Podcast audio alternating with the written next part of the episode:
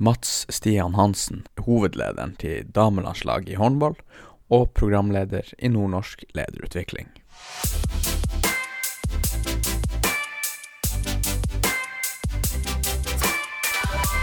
Velkommen. Takk. Du er, du er mye ute og reiser på, på arbeidet. Ute og reiser, ja. Ja, det er Det er mye reising. Eh, varierer selvfølgelig litt eh, fra år til år, og nå under pandemien er det jo blitt mye mindre enn det bruker å være. Men eh, jobber jo i programmer rundt omkring i hele landet. Vi har hatt mye samling i utlandet, og, og med landslaget er det mye reising, så 200-250 reisedøgn i året, noe sånt. Ja, det er jo mesteparten av året, det. Ja, jeg må si det, men samtidig så tenker jeg at eh, jeg er jo nesten like mye hjemme. Eh, og så er det med å få det til å gå opp sånn totalt sett. Eh, og får man det til å gå opp, og både familien og jeg syns det er greit, så, så er, funker det veldig bra. Ja, det er jo ingenting som er bedre enn det, da.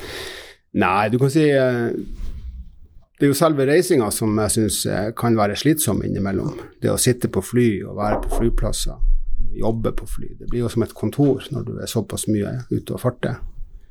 Eh, Men eh, det er jo veldig godt å komme hjem. Ungene savner deg, og som regel savner kona deg, og det, og det er godt å kjenne på at du har et hjem å komme til. Så det får jeg jo kjent på. Eh, kontra de jobbene jeg har hatt før, hvor det har vært veldig lite reising, hvor det har vært mye hjemme. Så det er, liksom, det er jo fordeler og ulemper med det meste. Så, så lenge det funker for meg og for dem rundt meg, så, så er det jo greit. Ja, det hjelper kanskje på å ja, sette mer pris på dem du har rundt deg også, da, at man er litt Man er mye borte. Ja, det er jo nettopp det du kjenner på. Ja. Eh, så eh, Nei, jeg syns egentlig det, det er en tilværelse som passer for meg. Um, men jeg tror ikke det kanskje Det er ikke sikkert det passer for alle. Eh, og det må jo folk kjenne på sjøl. Så det er ikke selve reisinga som, eh, som på en måte trigger meg på noe som helst slags vis. Jeg får jo ikke sett så mye der jeg er. Men, eh, men jobben min krever jo at jeg reiser mye, i og med at vi, vi jobber rundt omkring i hele landet. Med håndballen så er vi jo nødt til å reise hvis vi skal være med på mesterskap og sånn. Så det er en del av pakka, egentlig. Så det funker bra. Ja, altså nå i det siste er det vel mer eh, Teams-møter og skyping, eller du er vel egentlig Skype litt Teams, eller? Ja, nå er det vel Teams-møter det går i. Eh, lite Skype. Eh, det er jo Teams det går i, stort sett. Litt på Zoom, da. Eh, og det er veldig interessant. Vi har jo, eh, der jeg jobber nå da, i NNL, i, i stiftelsen, så er det jo eh, fysiske samlinger som har vært møtestedet i alt av programmer opp gjennom årene. Og pandemien har jo tvunget oss til å tenke alternativt og digitalt. Eh, Og ikke minst ute i bedriften og arbeidslivet har man blitt tvunget til å løse ting digitalt i mye større grad enn før. Så det vi vel sitter igjen med nå, snart ett år etter at koronaen traff oss, det er jo at det er, en, det er en rekke aktivitet som kan flyttes til den digitale møteplassen, som passer for det. Eh, og hvor man kan få gjort ting mer effektivt og mer enn godt nok, og til og med bedre noen ganger. Men eh, det vi òg ser, er jo at eh, det er jo mye som handler om utvikling, eh, relasjonsbygging, godt arbeid, som ikke passer digitalt. Og hvor det fysiske møtet er blitt kanskje enda viktigere enn før. Fordi man, man ser at den møteplassen der har noen, har noen synergier noen muligheter som er veldig vanskelig å få til på den digitale møteplattformen. Så egentlig så er det, har man brukt denne tida godt til å sortere på det. Så um, vi har klart å, å lage gode digitale møteplasser samtidig som vi har holdt på den fysiske. Um, så vi har lært mye det siste året. Ja, det blir jo nesten en sånn her tvangsdigitalisering. Ja, det gjør det. Og det, på mange måter tror jeg vi kunne ha godt av det. altså. Det, ser I skolen så har man jo blitt, eh, man har jo hevet seg rundt og fått til utrolige ting på den digitale, på den digitale læringsplattformen og digital undervisning som man aldri ville ha prøvd på engang hvis ikke pandemien hadde truffet oss.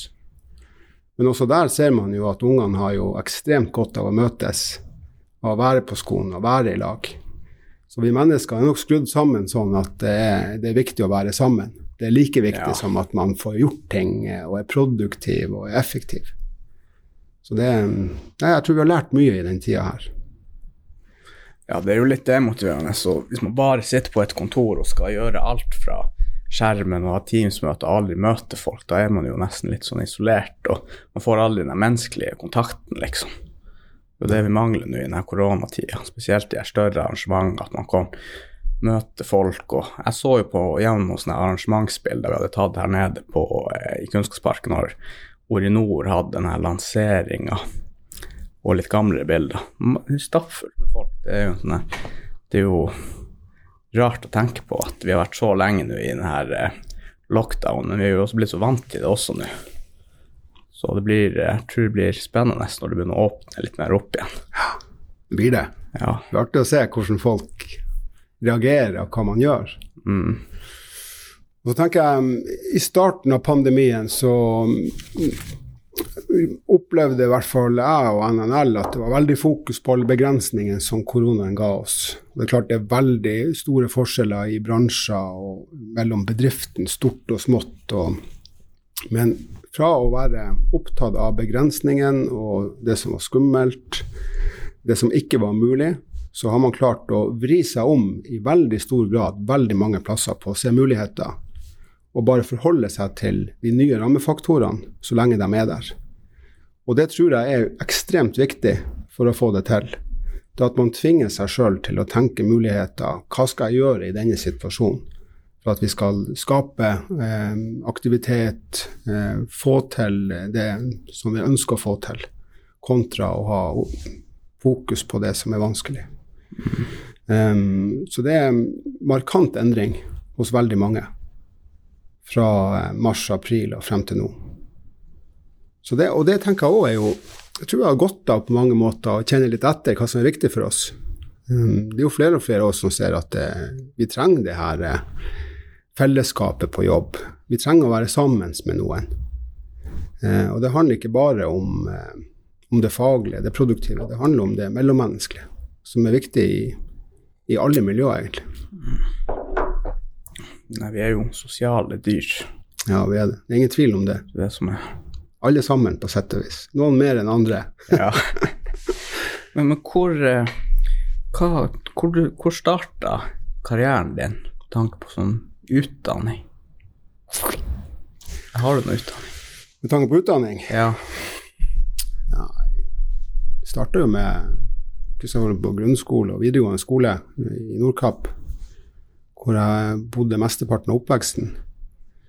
Um, I ei lita bygd i Nordvågen, som er Nordvågen, ja. Der har jeg vært på nach. Du har det, ja? De fleste har det. Fikk streng beskjed i Honningsvåg at man ikke skulle fære til Nordvågen på nach. Ikke ende opp der. Da for du. Ja. Ja. du er den typen. ja.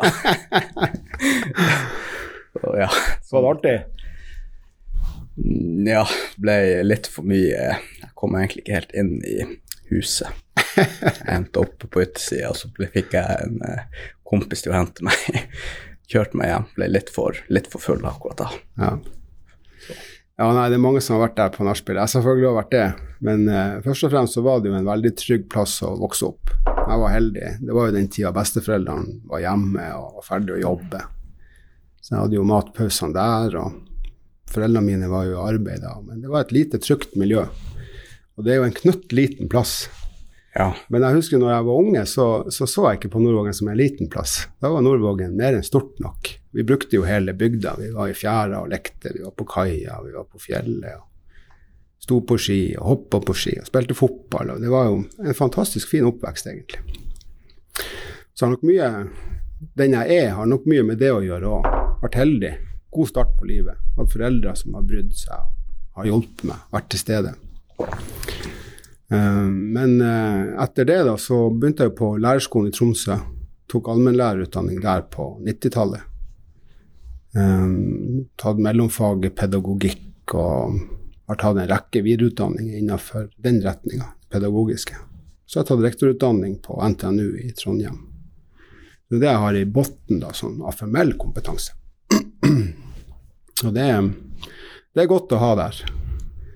Eh, men som leder har jeg jo lært like mye av alle livserfaringene eh, som menneske, egentlig.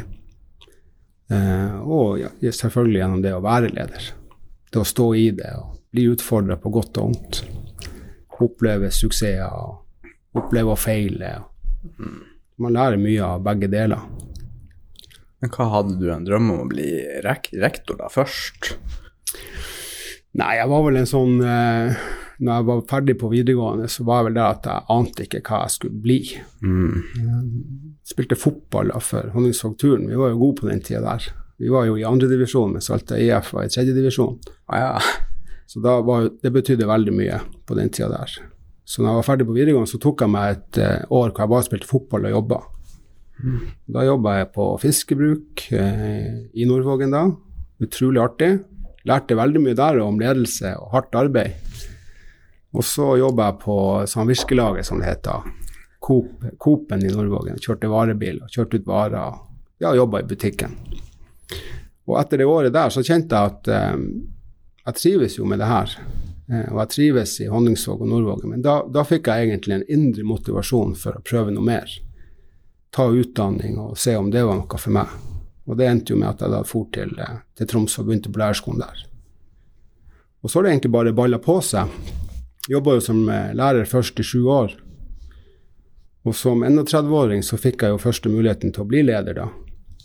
En rektorstilling på en liten skole i Nordkapp kommune. Eh, Jeg husker godt så eh, Tove Hundalvatn ringte meg som var oppvekstsjef og spurte om han kunne tenke meg å bli konstituert som rektor først. Og da tenkte jeg nei, det er for tidlig. Jeg er altfor ung. Jeg har for lite erfaring. Og jeg så ikke for meg at det var en, en stilling som jeg kunne bekle med, med pondus og kraft, sånn som jeg liker å gjøre. Så jeg, ta, jeg takker faktisk nei, da. Ja. Og, men uh, hun ba meg nå tenke over det, um, og bearbeida meg nå litt, og backa meg opp. Sa at hun trodde at det der kunne jeg få til, like godt som noen andre, sjøl om jeg var ung og hadde litt erfaring. Så heldigvis så heiv jeg meg på, og tok den eh, rektorstillinga der. Og, og da har jeg vært leder siden. Ble rektor på en større skole først, eh, var det i to år.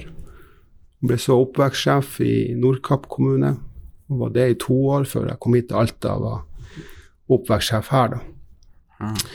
Så det er noe med alle de her eh, lederjobbene man har hevet seg inn i. Man har jo kjent på både følelsen av at jeg tror jeg kan bidra med noe, jeg tror jeg kan eh, ta den utfordringa, stå i den jobben, få det til, kombinert med en, eh, en frykt for at man ikke får det til.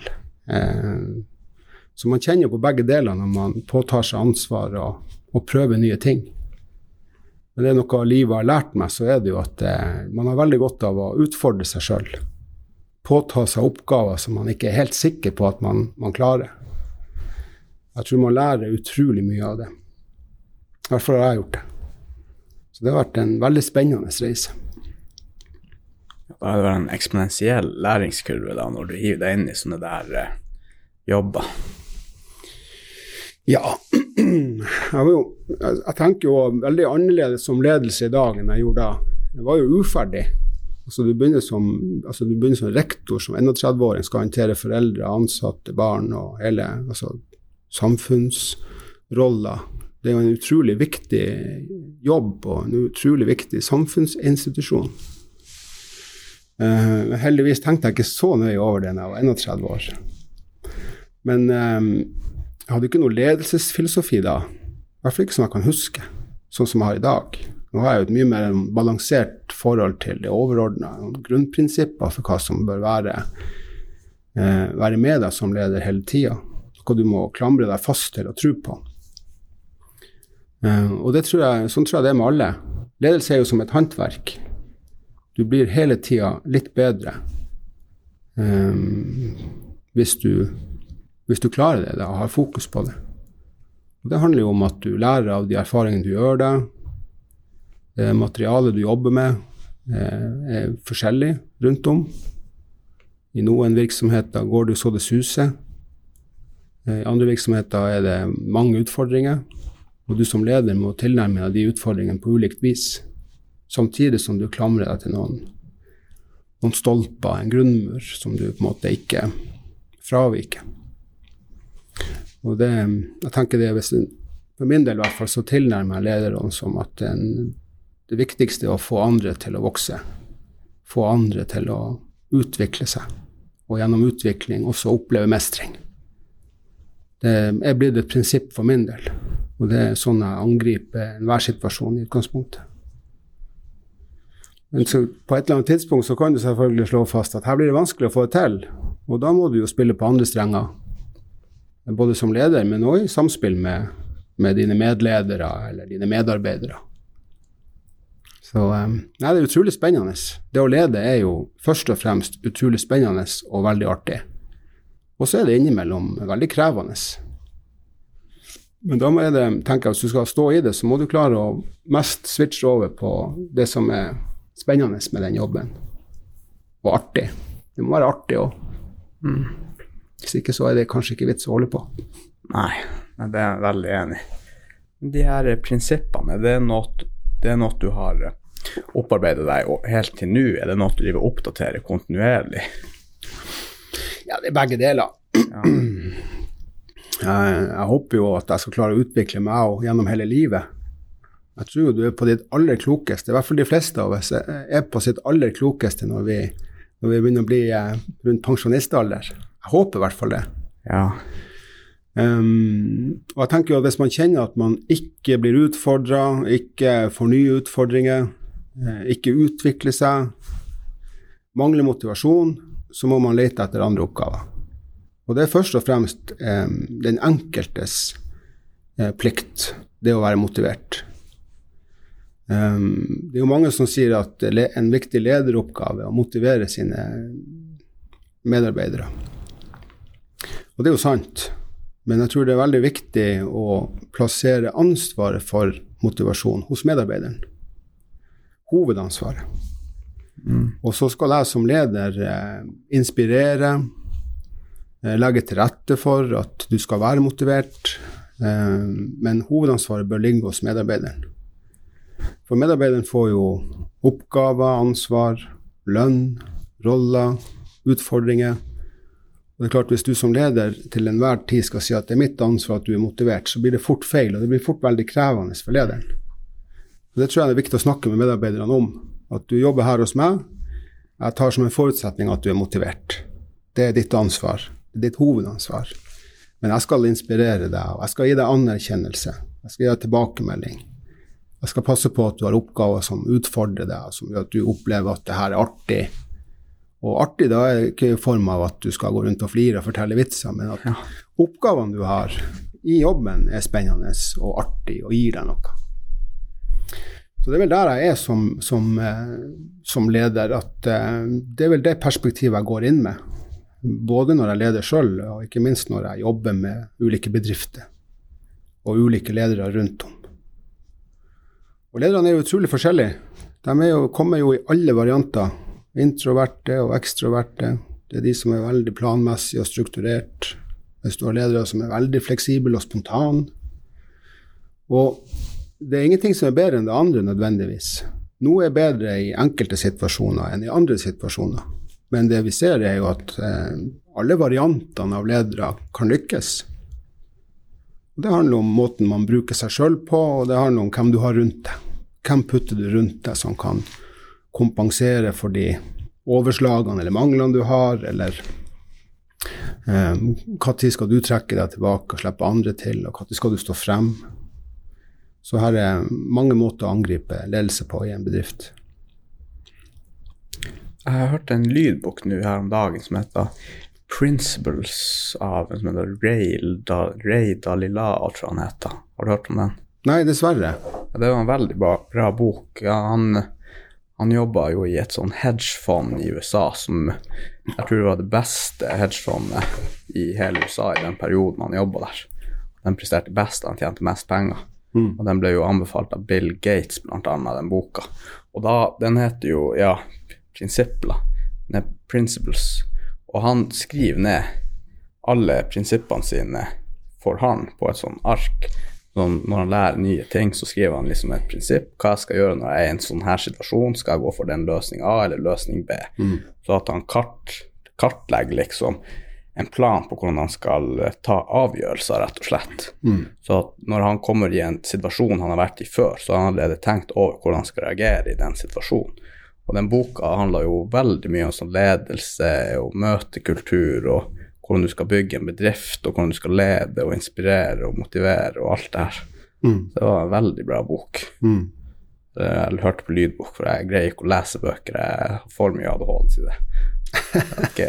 Jeg, jeg tror ikke jeg har ADHD, men jeg tror egentlig jeg har det. Så, Du trenger ikke å finne ut av det. nei, det er ikke så nøye. Veldig god sånn som du er, tenker jeg, uansett. Ja. Men det er veldig interessant det du sier.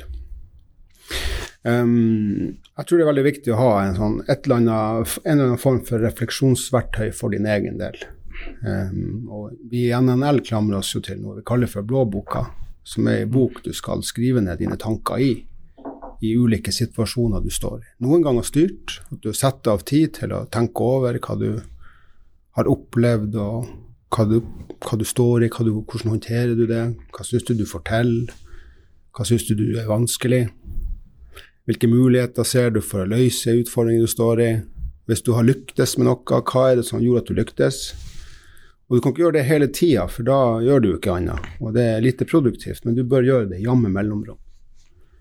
Og så har vi en sånn bitte lita blåbok som du skal ha plass til på innlomma. For det kan jo være at du plutselig får en veldig, veldig god idé. Jeg vet ikke hvordan det er med deg, men jeg opplever ofte at jøss, der kom det en tanke. Den tanken var god. Og så er det noe med å få den tanken skrevet ned på et vis. Du har selvfølgelig i dag mobiltelefon hvor du bare kan drodle det ned. det, det kan man selvfølgelig gjøre. Men hvis du har en liten bok, så, så blir det jo der. Lett tilgjengelig. Hvis ikke du mister boka, da. Ja. Men det å, eh, det å i jamme mellomrom eh, sette ord på eh, det du står i, med ro og i et sånn refleksjonsperspektiv, er utrolig viktig for egen utvikling. Og så tror jeg det som en forlengelse av det, så det er viktig også å sette ord på de valgene du gjør. Jeg bruker å si at den, den viktigste egenskapen en leder har, det er å velge. Um, gjøre valg, og så må du stå for dem. Du må gjøre det du har valgt, ikke bare si det. Så må du være det i størst mulig grad. Du må vise at dette valget, denne beslutninga her, er den vi går for. Være et godt eksempel. Være en, en rollemodell hvor alle ser at jøss, dette her er det vi skal gå for. Det er dette vi skal jobbe for.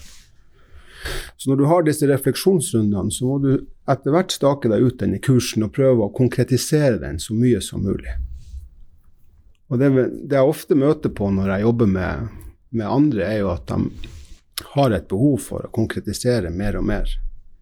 Um, hvis det er en, en vei de har valgt som det er vanskelig å få oppslutning rundt, f.eks., så er det noe med å velge seg situasjonene hvor du skal ta det opp. Um, hvordan skal du få med deg de folkene du trenger for å få det til? Um, det er jo ofte at uh, folk sier de rette tingene, uh, men klarer ikke å skape oppslutning rundt det. Eh, hvis du sier det, så er det ikke sikkert at folk hører, men hvis jeg sier det, så kan jeg at folk hører på. Og hva handler det om? Det trenger ikke å være lederen det nødvendigvis er noe gærent med. Det kan være noe med kulturen, det kan være noe med, med medarbeiderne, noe de har bestemt seg for. Så her er jo mange innfallsvinkler på nettopp det. da. Men som leder tror jeg det er viktig at du konkretiserer handlingsrommet du har, og, og er konkret på hvilke grep du skal gjøre for å få til det du ønsker. da. Og det du ønsker som leder, skal jo være knytta til oppdraget til bedriften. Altså hva er målet? Hva er meninga med, med livet, liksom? Jeg jobber nå i NNL. Hvorfor eksisterer vi? Ja. bruker vi å ta en runde på. Hva er, liksom, hva er vitsen? Og det tror jeg man må eh, hente frem i jamme mellomrom, uansett hva man jobber med. For det vi gjør, altså de valgene vi gjør som leder, bør være knytta til oppdraget. Det bør ikke være knytta til meg som leder eller til enkeltmedarbeidere. Enkelte avgjørelser kan være det, men summen og det viktigste bør være knytta til oppdraget. Ei avis, f.eks. Hva er oppdraget til ei avis? Ja, å eh, informere lokalbefolkninga om hva som skjer i samfunnet. Ja. Det er jo et viktig oppdrag for ei avis. Avisa har jo en samfunnsoppgave. Opplyse, som du sier, opplyse befolkninga om både det ene og det andre. Og det jo hvis det blir for mye å bare snakke om seg sjøl, så blir det veldig feil. Ja. Ja. Og det er jo eh, det er nyttig å ta de rundene i jamme mellomrom, både som leder, men òg i hele bedriften. Sånn at man eh, får bort eh, småtjafs som har lite med oppdrag å gjøre. Vi var jo i Danmark nå med håndballjentene. Jeg har jo en rolle der, hovedleder for, eh, for, dem, for dem, da. Og vi reiste jo til Danmark i slutten av november, før vi visste om det ble EM pga. koronaen. Og det var utrolig mye som var usikkert. Eh, og vi visste ikke hvordan det skulle gå. Eh, og det var jo alt fra de som beskrev det her som eh, galskap. Her kommer til å bli en, en skandale. Det blir masse smitte, mye sykdom. Det er uansvarlig. Til de som sa at det her er det helt, helt fantastisk at vi klarer å ha et mesterskap. I denne tida, hva er viktigere enn at vi kan ha et idrettsarrangement? Noe som gleder folk. At vi kan late som at verden er normal. Så da hadde jo hele spekteret. Men når vi reiste ned, så ante vi ikke hvordan det ville være. Det var det første store mesterskapet i, i verden som ble arrangert etter at pandemien kom. Um, og vi er veldig fokusert på dette med oppdrag. Altså, vi vet hvor, hva vi eksisterer for, og vi er veldig målbevisst. Eh, Og vi er veldig bevisst på hvordan vi skal nå målene våre. Når vi hadde vært nede i Danmark i fem-seks dager, så, så merka vi at eh, vi, er, vi har feil fokus. Vi har ikke oppdragsfokus i det hele tatt. For det eneste, ikke det eneste, men det som tok veldig, veldig mye av tida, det var korona. Smitteverntiltak, og hun gjorde sånn, og hun gjorde sånn, og hvordan skal det her gå? Så det var det som prega både spillere og ledere. Og da måtte vi ta en fot i bakken. Vi måtte minne dem om at vi skal spille mot Polen om fire dager. Har vi fokus på Polen, eller har vi fokus på korona? Nei, alle var enige om at det er jo korona som tar tida vår. Ja, og da, da blir det åpenbart at vi slår ikke Polen med å ha fokus på korona. Så nå må vi begynne å jobbe. Nå skal vi spille håndballkamp, og så får eh, de som jobber med koronaen, de får håndtere det. Så må vi ha tillit til at reglene funker, eh, smitteverntiltakene funker, og det her kommer til å gå bra. Og går det ikke bra, så blir det stopp, og så reiser vi hjem. Vi er her frivillig hele gjengen. Og det var en veldig god runde å ha. Da fikk vi sortert på det, og, og eh, det, var, det var null fokus på korona gjennom resten av mesterskapet. Men det var knallhard jobbing fra noen. Det var noen som brøyt reglene, og det var trusler om å bli kasta ut, og det var det ene og det andre. Men når vi var ferdig, så var vi jo Det var ingen som ble smitta. Ikke en eneste en. Og det ble et fantastisk mesterskap i den bobla, da. Ah, suksess. Ja, altså det, vi vant jo gull, og det var helt fantastisk. Men det var faktisk sånn når vi var ferdig, så var det, det var veldig mye glede hos alle nasjonene eh, rundt det at vi faktisk fikk det til. Vi kunne ha det mesterskapet her. Og vi eh, knytta jo bånd på en helt annen måte enn vi bruker å gjøre. Vanligvis er det jo masse folk og mye media, mye ståk. Eh, veldig behov for å jobbe for å få litt ro og få være for seg sjøl. Nå var jo ikke det et issue i det hele tatt. Vi var jo isolert i en måned. Men vi var sammen med de andre nasjonene på ett hotell. Eh, så det ble, en, eh, det ble en veldig fin eh, stemning mellom lagene også inne i bobla. Da, det er jo litt artig når dere er Man hører jo så mye mer når dere er helt alene, når det ikke er publikum der står og roper. Da hører du liksom at de kanskje roper litt og svetter, og du hører alle de støytene mellom spillerne og når det er mål, og, og så får dere jo være alene. og det er jo, dere er jo ganske heldige da, som får se det her. Dere er den eneste egentlig som får se det her fra scenen. Det er jo en ganske privilegert stilling, akkurat det. Men ble det livestreama, da? Det ble vel sendt på alle TV-kanaler? Tenker du kampene? Ja. Ja, nei, altså, kampene var jo, eh, var jo i eh, Ble jo TV-produsert som vanlig. Så eh, det teamet, produksjonsteamene var der, og journalistene var der. Eh, Men noen eh, valgte jo å kjøre det hjemmefra. Men de norske journalistene var jo nede i Danmark, men var ikke inne i bobla, så de sto hele tida på utsida. Så um, pressekonferansene og intervjuene ble jo ble jo gjennomført gjennom Teams. da. Men um, det var veldig spesielt. Det er klart å være inne i en hall som tar 16 000 mennesker, så sitter bare ja, 150 der. Det er jo rart. Ja. Men du sa det jo sjøl innledningsvis, det, her, det er nesten sånn at nå er det blitt den nye normalen. De fleste spillerne våre spiller jo for de beste klubbene i verden, og, og vi spilt Champions League-håndball nå i månedsvis uten tilskuere. Så man er jo faktisk blitt vant til både den måten å, å gjennomføre idretten på, men også testregime og smittevernregler er jo blitt en, en vanlig del av hverdagen. Så det er vi jo Vi er jo egentlig spent på hvordan det blir når, når det blir normalisert igjen. Altså hvordan vil folk være? Fylles hallene opp igjen? Står man tett i tett?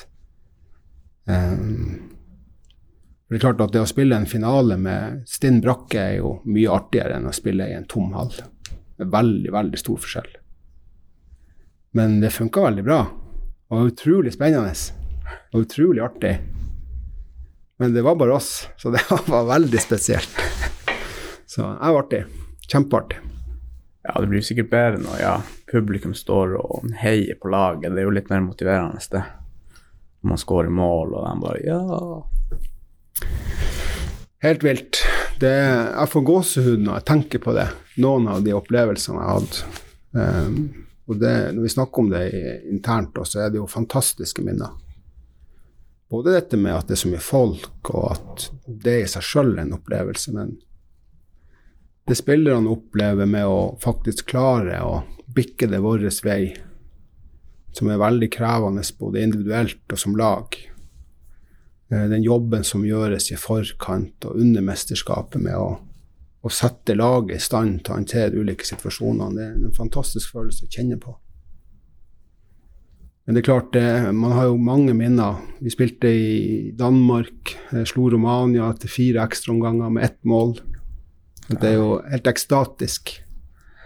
Vi slo Frankrike i semifinalen i 16 i Sverige. Stinn brakke, nesten bare nordmenn. Det var helt umulig å snakke med noen. Du kunne ikke snakke med den som var nærmest deg. Det, det bare kokte i han. Alle sto og ropte alt de kunne for å, for å heie frem de her eh, jentene våre, så, og vi klarte det. Så det er klart, de der type opplevelser, de, eh, det glemmer man jo aldri. Så um, Nei, det Ja, man er privilegert som får være med på det. Det er ingen tvil om det. Veldig. Og så er det jo Det er jo veldig man, tilfredsstillende og lærerikt å være en del av det, og, og klare å være en del av det. Ta ansvaret sitt, ta rolla si. Kjenne at man er en eh, bidragsyter i et sånt miljø som stiller så høye krav. Jeg var utrolig spent på det når jeg gikk inn i det miljøet der i 2015, på liksom, liksom jeg, en nordvåging eh, hva, liksom, hva jeg skal bidra med her, med disse her superstjernene og håndballnerdene. Um, samtidig som jeg hadde trua på at jeg kunne bidra med noe, hvis ikke hadde jeg aldri vært der.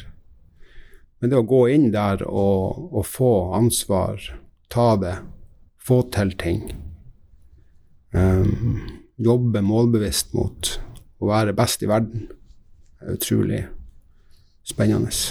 Veldig artig. Da som hoved, da, da er du hovedleder for damelandslaget i Norge. Mm. Og hvor, hva er liksom eh, hovedfokusområdene dine på det? Hva er liksom de hovedjobbene dine? Er det liksom å bare organisere hele greia, liksom at laget skal være der og være med i det mesterskapet, f.eks.? Ja. Det er et artig spørsmål. Det er jo, for det første så har vi jo det er sånn i miljøet at vi bidrar der det er behov uansett. Ah, ja. Hvis det er noen som trenger hjelp, så hjelper vi hverandre. Men i bunnen der så er det veldig tydelig fordeling på arbeidsoppgaver og ansvar. Og vi har jo et stort team rundt landslaget. Det er en teamadministrator som tar seg av alt det praktiske. Det handler om hotellbestillinger, flybilletter, utstyr. Og organisere egentlig alt fra A til Å. Så det er leger, fysioterapeuter, det er psykologer, eh, det er et videoanalyseteam, eh, det er trenerteamet. Ved mesterskap har vi òg inne fra Olympiatoppen både trenere og, hun Marit Breivik, som er leder for alle sommeridrettene i Norge. Hun er fortsatt med i mesterskap. Hun er ikke med til Danmark, da, men hun, hun bruker å være med. Så alle oppgavene er veldig tydelig fordelt. Men så vet vi at i, i, perioder i mesterskap så er det veldig mye å gjøre på forskjellige områder. Og da trår vi til alle sammen med det vi kan bidra med. Vi kjenner hverandre veldig godt etter hvert. Og det er en grunnholdning som, som er der. Og så kan vi si at Min rolle i det her, det er jo eh, Jeg sitter jo i styret i Norges Håndballforbund og har gjort det siden 2013. Og styret utpeker et styremedlem som har hovedansvaret for de to seniorlandslagene. Og Da er jeg damelandslaget siden i 2015. Og da er det jeg som representerer Norges Håndballforbund der damelandslaget er. Det betyr at når vi reiser til mesterskap, så er det jeg som har all kontakt med det internasjonale håndballforbundet, de andre nasjonene, lokal arrangør. Nå når vi var i Danmark, så er det jo svært apparat fra fra Danmark, som, det er dem som arrangerer mesterskapet. EHF eier det bare. Mm. Eh, og nå var det jo mye styr med leger i forhold til korona. Det var mye mer organisering enn det bruker å være. Så alle, alt det som handler om organisering, er knytta til teamadministratoren. Men da visste vi at der blir det mye å gjøre på det området, så da hadde jeg en del oppgaver knytta til et overordna ansvar. Hadde mye møtevirksomhet. Ja. Uh, og så er det jo Vi er jo en gjeng med mennesker, ikke sant. Og jeg jobber med ledelse hele livet. Så uh, det var vel i 2016 at han Tore gjorde meg til en del av sitt lederteam. Um, så jeg har jo en, en, rolle der, da. Og er tett på han Torer først og fremst, men også alle de andre lederne i teamet. Så mitt primæransvar er egentlig å ha oversikten over alt. Sørge for at eh, vi har det vi trenger Eh, hvis vi går på Vanligvis går alt sånn som planlagt. Da får teamadministratoren det hun ber om, og ja, alt går på skinner. Men hvis vi, hvis vi ikke får det som vi vil, hvis lokalarrangør sier nei, det går ikke, sorry, så må jo gjerne hovedlederen på banen og prøve å fikse det på et vis. Mm. Og som regel så, så går det bra. Og det kan være så mye rart. Det kan være at det skjer noe i familien til en spiller eller en leder, at vi må finne på noe i forhold til en hjemreise eller et besøk, eller det kan være at vi må ha et fly eller en buss som ikke vi får oss altså, hos en arrangør. Når vi er i Danmark, så skal danske, det danske forbundet sørge for at vi har alt vi trenger. Så er det jo gjerne et sprik mellom hva vi har rett på, og hva vi har lyst på. Og der er det jo eh, da må man snakke sammen, bruker jeg å si. Og så får man til eh, det man vil noen ganger, mens andre ganger må man bare akseptere at det, det får vi ikke til. Så eh, i forhold til det taktiske, det som handler om håndball, så har jeg jo ikke noe ansvar i det hele tatt. Og i forhold til det praktiske, så har jeg, jeg har egentlig ikke noe som primæroppgave i forhold til det operasjonelle. Det er mer et overordnet ansvar, og så trår jeg til der det er behov. Ja. ja. Det varierer. Danmark hadde jeg veldig mye å gjøre. Det var døgnet rundt. Ja, så du blir potet i de periodene det er mye å gjøre, rett og slett. Ja, da, men da handla det mye om eh, Det var veldig trøkk fra media, spesielt i starten. Ja. Eh, sørge for at vi, eh, at vi holdt oss til det vi sto for. Du har hele spennet. Noen er kjempenervøse, andre syns det er helt uproblematisk. Um, vi hadde mye styr med testregimet ting var Noe var uklart, noe var klokkeklart. Det var masse misforståelser. Og da handler det om, som jeg sa, det møtet vi hadde Spillerne kan ikke gå rundt og tenke på det her. De, bare, de skal få beskjed om sånn er det, og så gjør de det. Det er liksom å ha fokus på, på korona og, og når skal vi trene, og all den problematikken som er knytta til det. Det skal ikke spillerne bruke energi på. Så det handler om å gjøre ting så forutsigbart som mulig i en fullstendig uforutsigbar hverdag, for det er jo det det var. Så det er noe med å, å prøve å rydde på plass en forutsigbarhet som gjør at folk kan jobbe med det de skal jobbe med. Det er kanskje det jeg gjør. Det er vel eh, Det er jo veldig bra, for du kan jo ta veldig mye erfaring fra din daglige jobb over til det her. Nordnorsk lederutvikling. Ja, ja, ja, absolutt mye som er likt. Mye samme prinsippene. Vi eh, jobber mye med verdibasert ledelse i NNL, og det, det gjør vi jo med damelandslaget òg. Vi bruker verdiene veldig aktivt i måten vi jobber med, med damelandslaget på. Um, og det med verdibasert ledelse er det jo Jeg har hørt mange som sier at det, det er jo bare tull. Altså, får ikke noe ut av det. Og det er jeg helt enig i hvis du bare sier at vi jobber etter verdiene våre, hvis ikke verdiene betyr noen ting. Men hvis du banker ned verdiene i en, i en felles oppfatning av hva betyr verdiene, og konkretiserer det i handlinger Altså når vi har eh, en verdi som heter innsatsvilje Hvis vi stopper der, så blir det vanskelig å følge det opp. Da kan jeg si til deg, Magnus, at eh, ja, har du noe innsatsvilje nok? Ja, sier du. Og så ser jeg kompisen din ved siden av, det ser ut som han har mye mer innsats enn det du har. Og han sier at ja, jeg har det, men det har ikke han Magnus. Så du må banke det ned til noe mer enn bare det ordet innsatsvilje. Hva betyr det for oss? Ja, Det betyr at alle gjør alt de kan i enhver situasjon. Det betyr det. Og da blir det lettere. Magnus, jeg så i sted, da skulle vi, eh, da skulle vi eh, øve på skudd. Du skjøt. Det så ikke ut som du hadde all verdens med innsats i det øvelsen. Han har vondt i venstre tå. Det ikke sant? har plaget. Eller det kan være at vi, vi skal alle sammen skal løfte en annen på laget. Det kan vi si er knytta til en verdi. Og Da kan jeg spørre deg, når løfta du noen sist? Og Hvis du da nei, det, det husker jeg ikke, kan hende at du sier, så har du noe å jobbe med. Hvis du kan si at ja, jeg hjalp han, jeg hjalp han, så er vi der vi skal være. ikke sant? Du må banke disse verdiene ned til en konkret handling. Og Sånn kan du òg holde på i en bedrift. En åpenhet, f.eks. Det er veldig mange bedrifter som har det som en verdi. Ja. Hvis du da spør eh, 20 ansatte, 20 ledere i bedriften, 20 medarbeidere, hva betyr åpenhet for deg? Så kan det hende at du får veldig mange forskjellige svar. Og det kan du ikke leve med hvis du eh, leder en bedrift med utgangspunkt i verdibasert ledelse. Da må du lete etter så like svar som mulig når du spør medarbeiderne i bedriften. Og sånn kan du holde på hvis verdibasert ledelse skal være et prinsipp, noe vi klamrer oss til. Hvis du sier at vi har åpenhet som en verdi, så skjønner folkene hva det betyr. Det betyr at jeg sier ifra hvis det, hvis det er trøbbel. Jeg snakker med den det gjelder, og ikke om. Og da forplikter du jo medarbeiderne til å si ifra. Og hvis du ikke sier ifra, så er det faktisk du som har gjort et valg. Du som medarbeider. Det er ikke, det er ikke noen andre. For det, hos oss er det sånn at vi sier ifra hvis det er noe. Og jeg må tåle at du sier ifra, for det er sånn vi gjør det hos oss. Så um, det er masse å lære av, av, hverandre rundt om.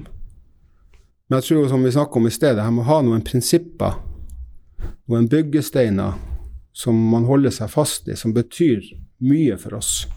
Og løfter dem fram i jamme mellomrom, for vi må minne oss sjøl på det. Det tror jeg er helt avgjørende for å få det til. Det kan være stor frihet i en bedrift, i en organisasjon.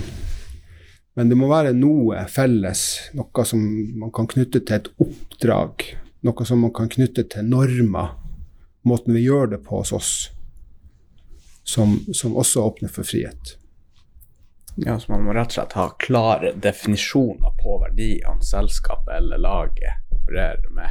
Ja, det er enkelt for alle å skjønne det. Hvis man løfter frem verdiene som noe viktig for seg, ja. så er man nødt til det. det er, hvis ikke har det ingen kraft, har ingen verdi.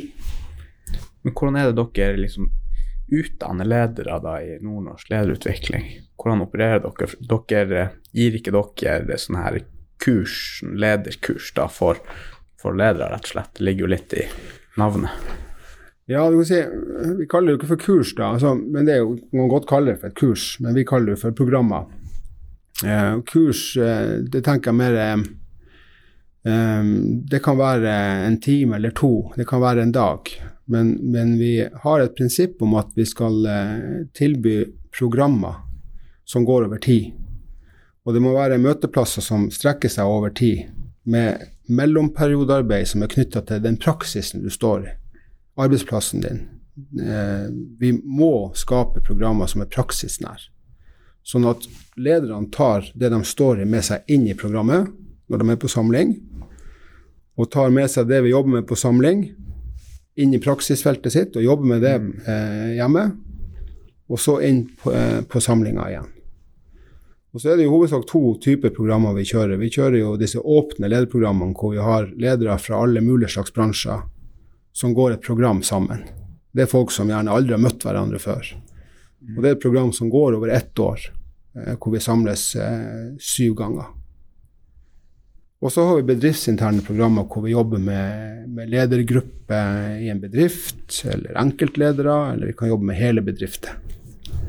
Og Da kan vi si, da skreddersyr vi jo et program for bedriften, med utgangspunkt i bedriftens behov. Og så har vi noen metoder, og vi har en eh, pedagogikk. Vi har indikatorer og verktøy som vi bruker, men vi har veldig mange. Sånn at når vi jobber med en bedrift, så velger eh, ledelsen av den bedriften hvilke verktøy vi skal bruke, hva vi skal ha fokus på. Og vi gjør ofte en kartlegging i forkant av at vi starter, hvor vi snakker med lederne og medarbeiderne. Hva er behovet? Hva, hva er virkeligheten i bedriften? Og da kan vi jo oppdage at enten ser folk det veldig forskjellig. Da, vi, da er det et behov for å, å, å lage faktisk en felles virkelighetsforståelse. Mens andre ganger ser folk det veldig likt. Og da kan vi raskere komme i gang med, med hvordan skal fremtida se ut. Så det er jo i all hovedsak de to typene programmer vi tilbyr. Um, så driver vi jo noe med rekruttering. Um, men det er noen lederprogrammer vi jobber med mest. Og da er vi, vi er vel hva vi er nå, 20 hoder fordelt på 14-15 årsverk med medarbeidere fra Vi sitter rundt i hele landet, men hovedkontoret vårt er i Bodø, da. Så sitter nå jeg her i Alta siden jeg bor her, og vi har to som sitter i Tromsø, vi har to i Oslo og en i Kristiansand. Og så jobber vi rundt om i forskjellige bedrifter. Og vi, det er jo en stiftelse som ble etablert i 1986 av Universitetet i Tromsø og Sparebank1. Ah, ja. Det var jo en reaksjon på at man, man i Nord-Norge kjørte lederutvikling og lederprogrammer og kurs med, med, uten unntak med, med søringer, med BI og tilbydere sørfra.